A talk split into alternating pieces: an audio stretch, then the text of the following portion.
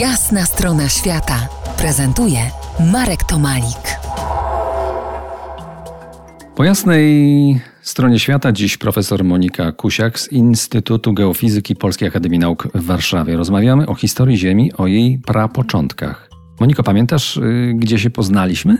No jakżeż mogłabym zapomnieć. Poznaliśmy się w Perth w zachodniej Australii. Przyjechałeś akurat pracować, jak mnie mam nad swoją najnowszą wtedy książką. Ja byłam stypendystką Marii Curie i pracowałam nad najstarszymi skałami na Ziemi. Czy to są najstarsze skały, jak, jakie badała w ogóle geologia?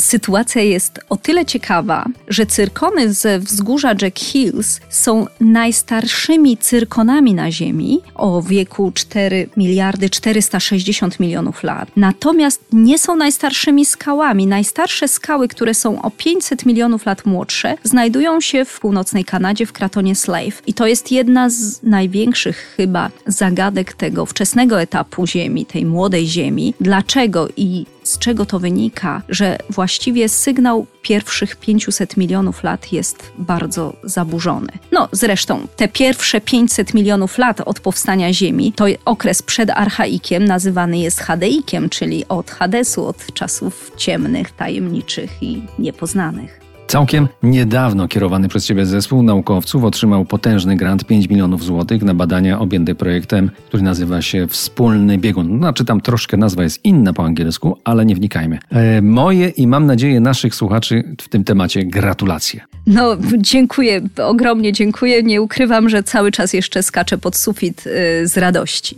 Wspólny biegun to y, próba odtworzenia prakontynentu z początków historii Ziemi. Pamiętam z wykładów mm, nauki o prakontynentach, o Pangei, o Gondwanie. Jednak twoje badania idą jeszcze dalej wstecz historii Ziemi.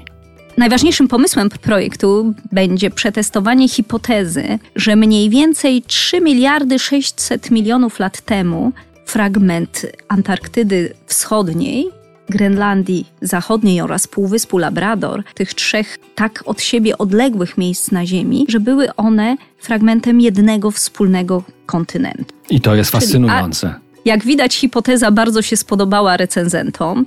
Nie jest to pomysł popularny, ale być może mam taką nadzieję, że fragmenty dzisiejszej Arktyki i Antarktydy były, były kiedyś jednym wspólnym kontynentem. Tak, Czyli to, będziemy... co mamy w tej chwili po dwóch stronach, jak gdyby globu, było razem. Wiemy, że te, że nasze kontynenty się przesuwały, ruszały i wiemy, że, że nie wyglądały przed milionami lat tak jak obecnie i tak jak wspomniałeś wcześniej o Pangei i Gondwanie, każdy z nas słyszał. Natomiast nie, ciągle niewiele wiadomo, co było przed dwoma miliardami lat, no a cóż mówić o tym przed trzema czy niemal czterema milionami, miliardami lat. Za kilkanaście minut spróbujemy opowiedzieć o tych prastarych dziejach Ziemi, sięgając tak daleko, jak tylko dzisiejsza nauka potrafi. Zostańcie z nami w RMF Classic. To jest jasna strona świata w RMF Classic.